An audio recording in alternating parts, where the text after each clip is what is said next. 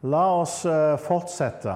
Vi avslutta med å eh, se på dette her at eh, mange kristne de lever som nye skapninger. De har blitt frelst, de har blitt født på ny, de er på vei til himmelen. Men fordi de ikke har oppdatert sitt, det bildet de har av seg sjøl, så lever de som nye skapninger som med et gammelt og et utdatert selvbilde. fordi at når de har blitt frelst, så har de blitt en ny skapning. De er med andre ord ikke helt den samme som den de var før de ble frelst. Det er klart For noen så er kanskje forandringa mer tydelig der og da. Som, eh, man hører jo ofte vitnesbyrd fra folk som kommer fra rusmiljø som kommer og blir radikalt frelst, og så er det bare bang, en stor forandring før og etter. Men for mange, kanskje spesielt folk som er født og oppvokst i kristne hjem, så, så er, kanskje ikke den eh, før og etter så tydelig. Men allikevel så er det en drastisk forandring som skjer inni oss når vi blir født på ny. Eh, er, da er vi nye skapninger. Er, vi er med andre ord ikke helt den samme før og etter vi har blitt frelst. Eh, og Derfor er det òg viktig at vi ikke lenger det, det, gjør at kanskje det selvbildet vi hadde før vi ble frelst, etter vi har blitt frelst, så er det litt utdatert. Så, så trenger vi å fornye vår sinn og fornye måten vi ser på oss sjøl. Eh, og hvis ikke vi gjør det, så, så, blir det på en måte som vi prøver å leve det nye livet samtidig som vi holder fast i det gamle. Og, og det sier seg sjøl at det blir en tung kamp. Det blir som å svømme mot strømmen. Eh, man, man, opplever aldri den friheten eh, som man kanskje kunne ha opplevd hvis man hadde vært villig til å gi slipp på det gamle og fornye håper å si, en selvbilde, fornye en sinn, sånn at det selvbildet en hadde, stemte overens med den nye skapningen som vi, er, som vi er blitt. Et av de områdene, områdene, som dette kommer veldig tydelig til syne, er når det kommer til dette her med synd. Eh, veldig mange håper jeg, som, er, som er frelst, eh, de har en, eller iallfall hørt mange, de har en tendens til å kalle seg sjøl for syndere. Eh, den kanskje litt mer kristne versjonen det er at ja, men vi er syndere, frelst av nåde. Men du vet, synder, frelst av nåde, synder og frelst, det er egentlig en motsetning. Det, det, det er faktisk en umulighet. Det er umulig å være en synder og være frelst på samme tid. Fordi at det som Jesus kom for å frelse oss fra, var nettopp synden. Så hvis, hvis, fortsatt, hvis, synden er der, så har jeg egentlig ikke fullt og helt blitt frelst ennå. Fordi at det var fra synden Jesus kom for å frelse meg. Så det å kalle seg sjøl en frelst synder, da, da har man ikke helt grepet fatt i hva frelsen egentlig er. Men mer enn det, når, når man sier at man er en eh, frelst synder eh, så Problemet er at da har en en identitet. Man har kanskje blitt frelst, og, og amen og halleluja for det. Men det er klart, hvis ens identitet er at jeg er en synder, så, så det er klart hva er det en synder gjør? En synder synder. Så hvis det er hvem jeg tror jeg er, så blir det veldig vanskelig for meg å leve i seier over synd. I Bibelen så finner du aldri noen sted at Bibelen refererer til frelste folk som syndere. Noen vil kanskje si at Paulus til Timoteus han sier at Jesus kom inn i verden for å frelse syndere, og blant dem er jeg den største. Men klart, da, da refererte han til sitt tidligere liv. Paulus prøvde ikke å fortelle Timoteus at hei, Timoteus, jeg lever i synd.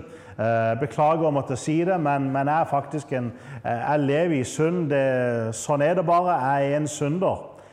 Det, det var ikke det Paulus prøvde å fortelle han. Paulus talte om sitt tidligere liv. Tvert imot så ser man at Paulus, når han skriver sine brev, selv når han skrev til menigheten i Korint, som var absolutt en menighet som hadde problemer, så skriver han til de hellige. Og igjen og igjen i alle Paulus' brever så, så skriver han til de hellige. Han skriver aldri til synderne i Korint. Selv til Galaterbrevet, der hvor han hadde noen seriøse håper jeg, en kamp med å få dem til å forstå hva det hele dreide seg om, så skriver han ikke til, til, til synderen i, i Galatia. Nei, han, han, Bibelen omtaler aldri frelste folk som syndere. Og Derfor bør aldri vi omtale frelste folk som syndere. Tvert imot så, så sier Paulus at vi skal regne oss som døde for synden.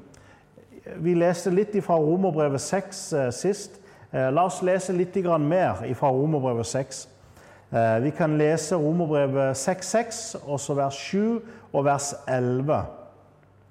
Der I Romerbrevet 6.6 står det For vi vet dette, at vårt gamle menneske ble korsfestet med ham, for at syndelegemet skulle bli fratatt sin makt så vi ikke lenger skal være slaver under synden.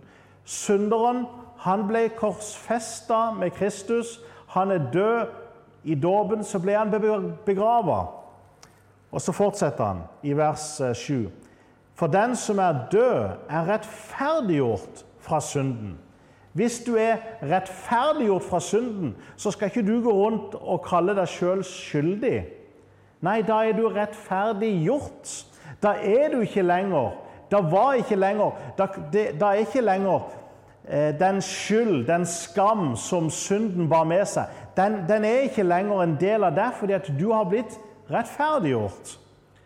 Og så eh, fortsetter han i vers 11. Slik skal også dere regne dere som døde for synden, men levende for Gud i Kristus Jesus, vår Herre. Så Paulus sier ikke, ikke regn deg sjøl som en synder. Regn deg sjøl som død for synden.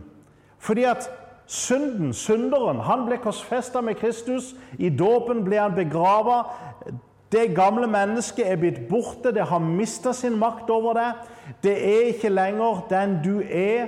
Den du er, er rettferdig. Du har blitt Guds rettferdighet i Kristus. Du er hellig, du er ren, du er uten synd.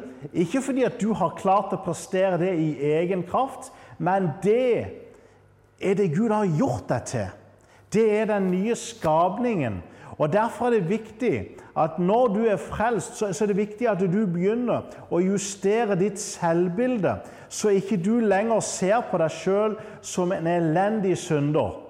Man har jo den eh, bekjennelsen i, i folkekirka, vet jeg, der hvor man sier at 'jeg, arme, elendige menneske som synder daglig' i ord, tanke og gjerning. Jeg vet ikke helt hvordan han går. Men det er klart at hvis du sier om deg sjøl søndag etter søndag 'Meg, arme, syndige, elendige menneske som synder daglig i ord, tanke og gjerning' Hvis du går rundt og sier det om deg sjøl igjen og igjen og igjen, så skaper det et bilde, et sjølbilde, i deg som forteller deg at jeg må slite med synden.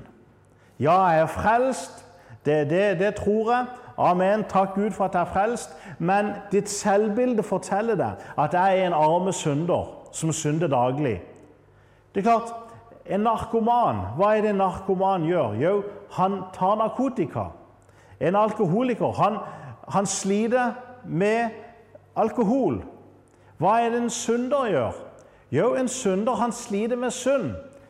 Og det er klart at Hvis jeg går rundt og tenker meg sjøl, har et selvbilde av meg sjøl som en elendig synder, så kommer jeg aldri til å få oppleve at den som Sønnen gjør fri, er virkelig fri. Og Det tragiske er at veldig mange kristne de er frelst, men deres selvbilde har ikke blitt oppdatert. Deres identitet De har, de har sin identitet fortsatt i synderen. Og fordi deres identitet fortsatt er i synderen, så opplever de ikke den friheten som Gud har tilveiebrakt for dem. Du vet, Om du legger ei sprøyte med heroin foran meg, så opplever ikke jeg noe som helst dragning til den sprøyta. Den sprøyta frister meg ikke. Tvert imot så hater jeg sprøyter, så jeg vil absolutt ikke røre den sprøyta. Men om du legger ei sprøyte med heroin foran en som kanskje tidligere har vært eh, heroinmisbruker, så plutselig så er det en dragning der. Plutselig så er det en fristelse. Hvorfor? Jo, fordi han kan identifisere seg med den sprøyta. Og fordi han kan identifisere seg med den sprøyta, så har den sprøyta en dragningseffekt på han. Du vet, Grunnen til at synd har en dragende effekt på oss, er fordi at er, vi har en identifikasjon, identifikasjon der. Med, med, andre ord ting som er helt utenkelig for meg å gjøre. De er ikke fristende. Men, men, det er kanskje ting som, som pga. mitt tidligere liv eh, henger igjen, og som har en dragende effekt. Men du vet, heroin det er ikke en av de tingene, fordi at det er, det er fullstendig ikke en del av mitt selvbilde. Kan dere se at grunnen til at vi ofte sliter med synd, er fordi vi ikke har, det har ikke gått opp for oss at den tingen er ikke lenger en del av hvem jeg er. Veldig mange jeg, kristne de kanskje sliter med pornografi fordi de tenker at det er en del av meg. Det, det, det er noe som jeg må kjempe med. Det, eh, de tenker om seg sjøl at det er en kamp å bli fri. Fordi de ikke har forstått at de er allerede fri. Det er ikke noe de trenger å kjempe med.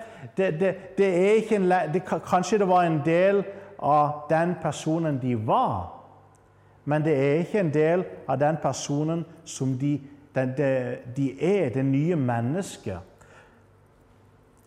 Du vet, Derfor er det veldig mange kristne. De lever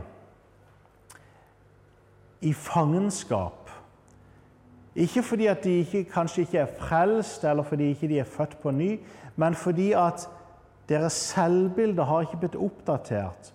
Og det som mange jeg, håper å si, ikke er klar over, det er i hvilken stor grad det selvbildet eh, påvirker min åndelige vekst, og hvordan det bildet jeg har av meg sjøl, faktisk kan frarøve meg mange av de velsignelsene som Gud ønsker å gi meg.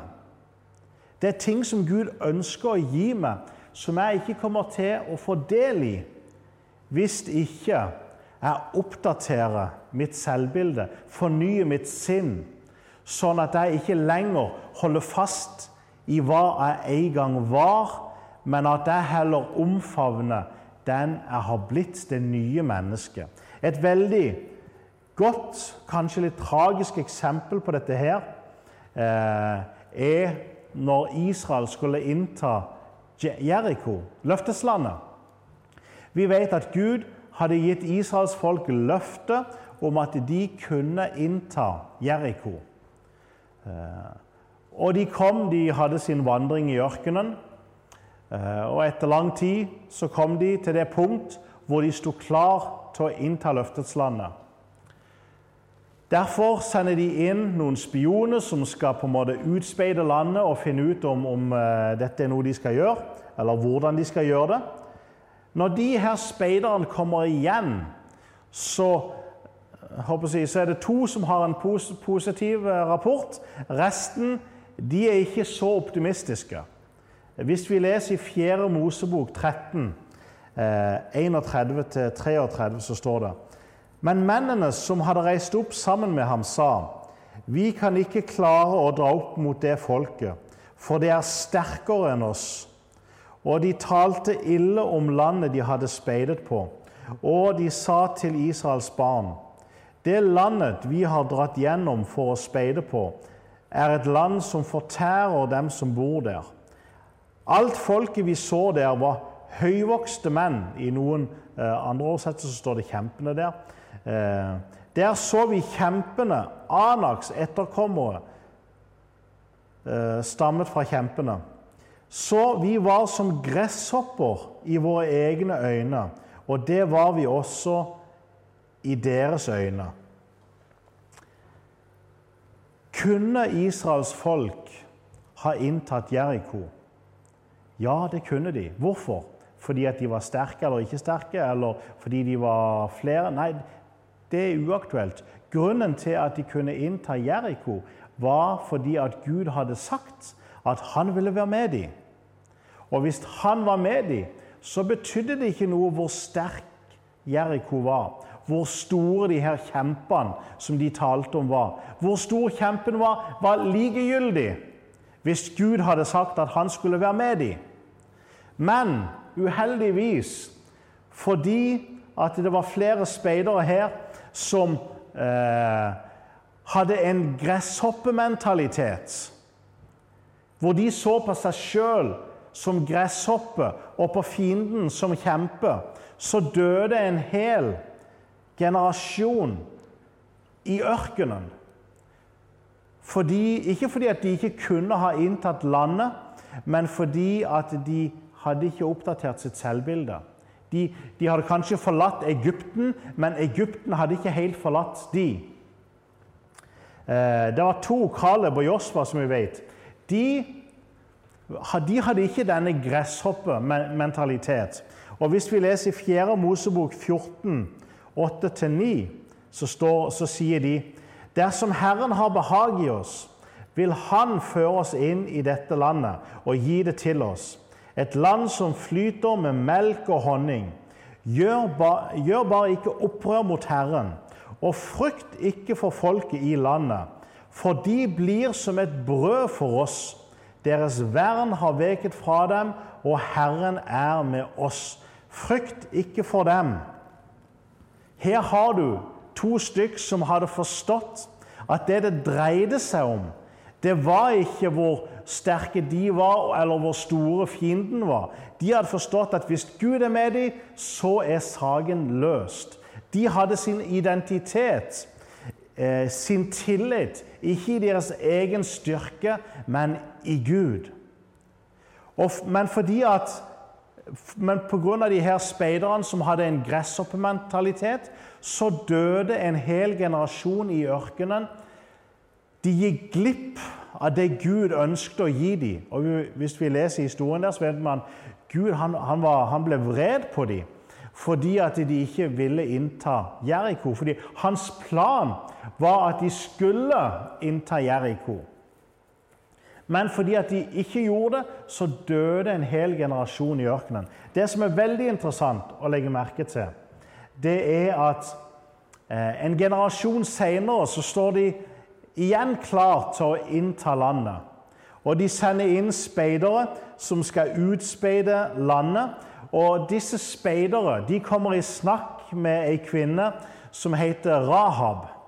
Og Vi kjenner jo historien hvor hun skjulte disse speiderne eh, og hjalp dem sånn at de kunne komme ut igjen. Eh, men hun sier noe veldig interessant, og jeg vil at du skal lytte til det som hun sier.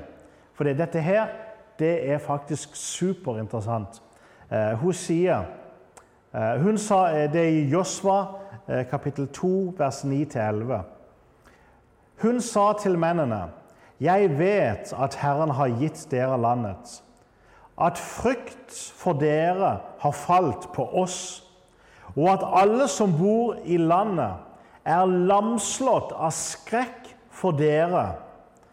For vi har hørt hvordan Herren tørket opp vannet i Rødehavet rett foran dere da dere kom ut av Egypt, og hva dere gjorde med de to amorittkongene som var på den andre siden av Jordan, Shion og Åg, og hvordan dere ødela dem fullstendig.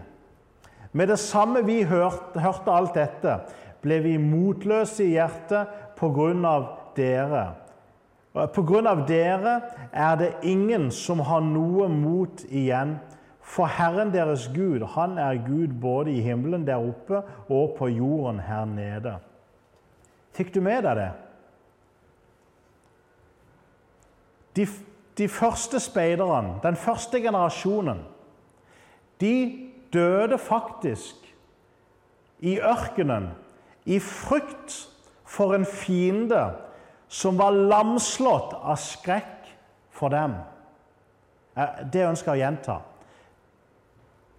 Det var en generasjon av israelittere som døde i ørkenen i frykt for en fiende som var lamslått av skrekk for dem. Det er tragisk, men det er dessverre faktisk det samme som ofte skjer i dag. Mange kristne de lever lamslått av frykt for djevelen, for fienden. Mange kristne de lever bundet av ting som de kunne ha vært fri fra hvis de hadde forstått hvem de var i Kristus. Hvis de hadde fornya sitt sinn, hvis de hadde forstått at deres styrke lå ikke i deres menneskelige evne til å gjøre noe som helst, men at deres styrke lå i den styrke som Gud ønsket å gi dem. De, de, de trengte, vi trenger ikke å kjempe, vinne kampen mot synd i egen styrke, men vi kan vinne kampen fordi at Gud, fordi Jesus har seira. Den Sønnen gjør fri. Han blir virkelig fri. Når jeg får min identitet på plass, når jeg begynner å forstå hvem jeg er i Kristus, så er det en hel del ting som, som ikke lenger blir et problem for meg. Så, så, mister synden sin makt på meg fordi at jeg forstår at jamen, det er ikke lenger en del av meg. Jeg trenger ikke lenger det, det, Jeg er hellig, jeg er ren. Synd det, det er slettes ikke noe som har noe makt eller noe holdepunkt i mitt liv. Hvorfor ikke? Fordi jeg har blitt en ny skapning. Jeg er født på ny. Ja, jeg er klar over at jeg fortsatt har et kjød. Er klar over at det fortsatt håper jeg, at jeg lever i denne verden, at det er en syndig verden. Jeg er klar over alle de ting, men det er ikke hvem jeg egentlig er. Den jeg er, mitt innerste, min ånd, mitt virkelige jeg, har blitt født på ny, og jeg velger å identifisere meg med hvem jeg egentlig er, og ikke hvem jeg er når jeg ser meg sjøl i speilet. Jeg velger å identifisere meg med den nye skapningen, og ikke den gamle skapningen som er død og begrava. Jeg velger å identifisere meg med den som Gud har gjort meg til å være.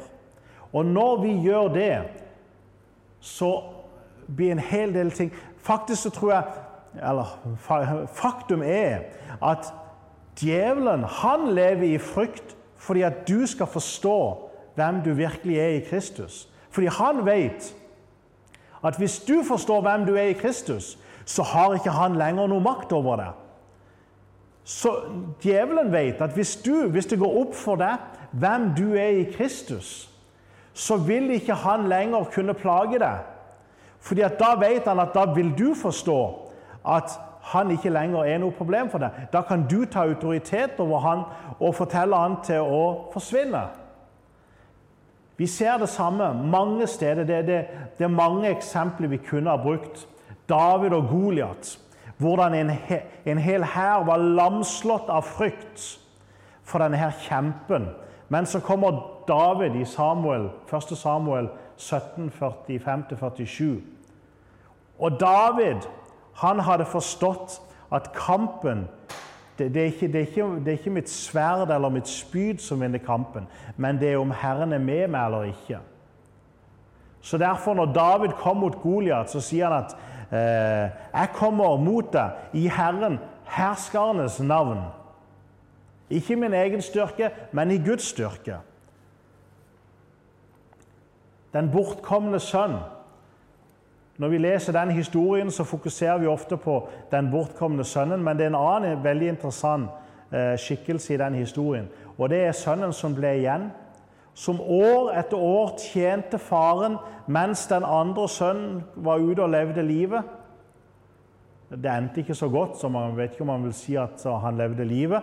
Men den sønnen som ble igjen, han tjente faren år etter år. Og når den bortkomne sønnen kommer igjen, så vet vi hvordan faren han steller i stand en stor fest. Og denne her sønnen som ble igjen, han blir fornærma. Hvorfor? Fordi at han sier, 'Men hvorfor i all verden?